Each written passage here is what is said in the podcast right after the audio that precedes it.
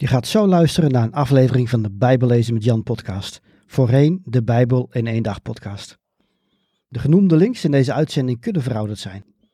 Kijk op bijbellezenmetjan.nl of in de omschrijving van deze aflevering voor meer informatie over hoe ik mensen en kerken kan helpen met het lezen, begrijpen en geloven van de Bijbel.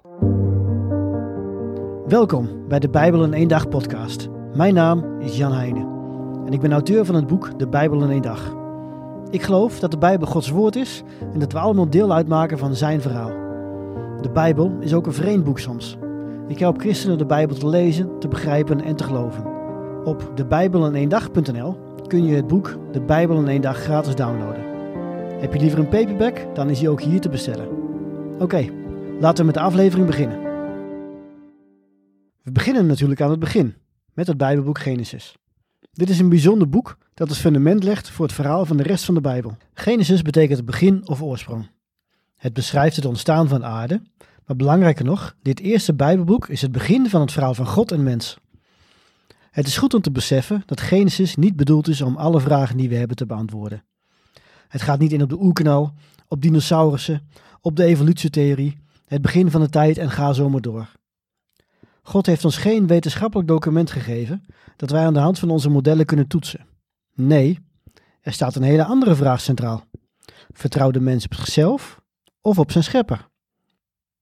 De openingsscène van de Bijbel is als de opening van een epische film. Een grote geest, die een almachtige, soevereine koning is, zweeft over het duistere water en dan laat hij het licht worden. Daarna gaat God door met creëren.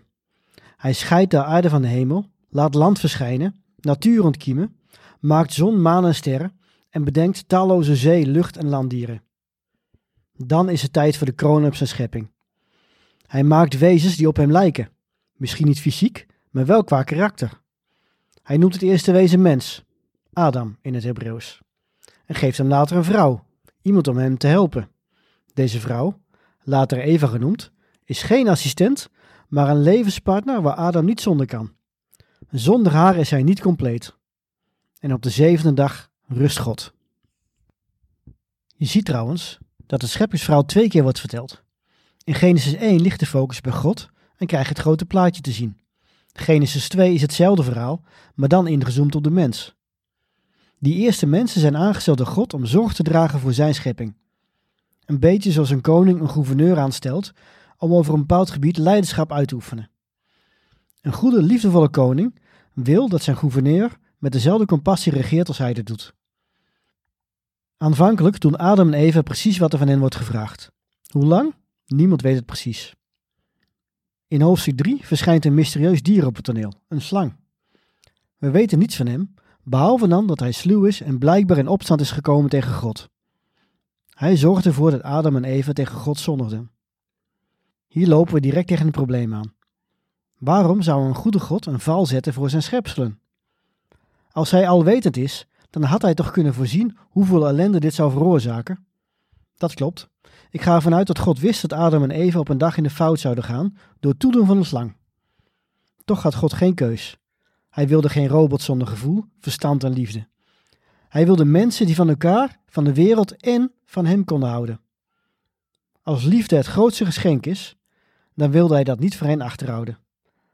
Dus moest hij de mensen wel een vrije wil geven, want zonder vrije wil is er geen liefde. En je kunt alleen een vrije wil hebben als je ook de keuze hebt iets fout te doen. Denk er maar eens over na. Je kunt je liefde voor iemand alleen maar bewijzen als je ook de keuze hebt om ontrouw te zijn. Vandaar dat God één verleiding in de Hof van Eden, de tuin waar Adam en Eva woonden, neerzette. Een boom met de vrucht van goed en kwaad. Dit waren geen magische vruchten die boven natuurlijke kennis overdroegen. Als Adam en Eva van deze boom zouden eten, zouden ze voortaan zelf bepalen wat goed en kwaad was. Dan lieten ze dat niet langer aan God over. Ze vertrouwden dan voortaan op zichzelf in plaats van op God. En in Genesis 3 maakt de slang hier gebruik van. Hij spreekt met Eva terwijl Adam naast haar staat. De slang belooft wijsheid. Adam en Eva worden aan God gelijk als zij de verboden vrucht eten, beweert hij. Eva trapt erin en neemt een hap van de vrucht. Adam grijpt niet in en eet zelf ook. En met één hap verliezen ze hun onschuld. Ze zijn ontrouw. zie je hoe vanaf het eerste begin alles draait om de liefde die God wil geven, maar dat de mens uit zichzelf ontrouw is? Vanaf Genesis 3 tot aan het eind van de Bijbel in Openbaring zien we hoe God werkt om die ene misstap van de mens ongedaan te maken en de relatie tussen hem en de Adam, de mens, te herstellen. Er is een nieuwe Adam nodig.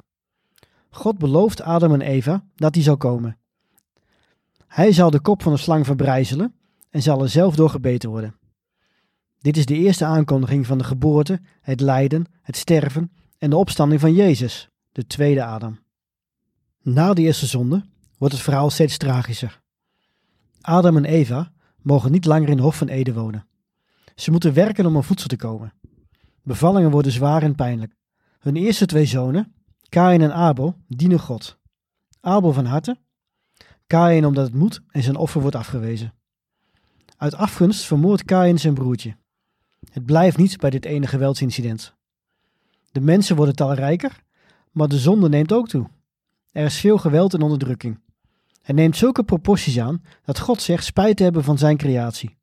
Maar hij herinnert zich zijn belofte aan Adam en Eva, dat er ooit iemand zou komen die alles weer goed zou maken. Om die reden kiest hij een man uit die hem wel trouw dient, Noach.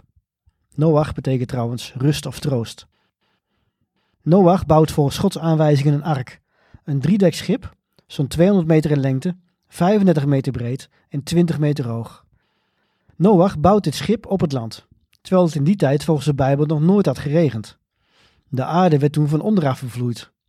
En van elke diersoort, dus niet van elk dier, maar van elke diersoort, gingen een mannetje en een vrouwtje aan boord. Dus waarschijnlijk één hondachtige, één katachtige enzovoort. En uiteraard alleen dieren die de ramp die ging komen niet zouden overleven. Want God had gezegd dat het ging regenen en dat de aarde zou overstromen. Weer die vraag van God aan de mens: Vertrouw je mij? Noach, zijn vrouw, zijn zonen en hun vrouwen deden dat. Ze waren de enige acht mensen die de watermassa overleefden. Via hen begon God opnieuw. Deze zogeheten zondvloed deed God wel veel pijn. Hij beloofde nooit meer zoiets te doen. Na Noach vermenigvuldigde de mens zich opnieuw. En Jezus zou duizenden jaren later geboren worden vanuit de geslachtlijn van Sem, de jongste zoon van Noach. Tot zover het verhaal van Genesis 1 tot en met 11. In de volgende aflevering van deze podcast gaan we verder met het verhaal van Abraham.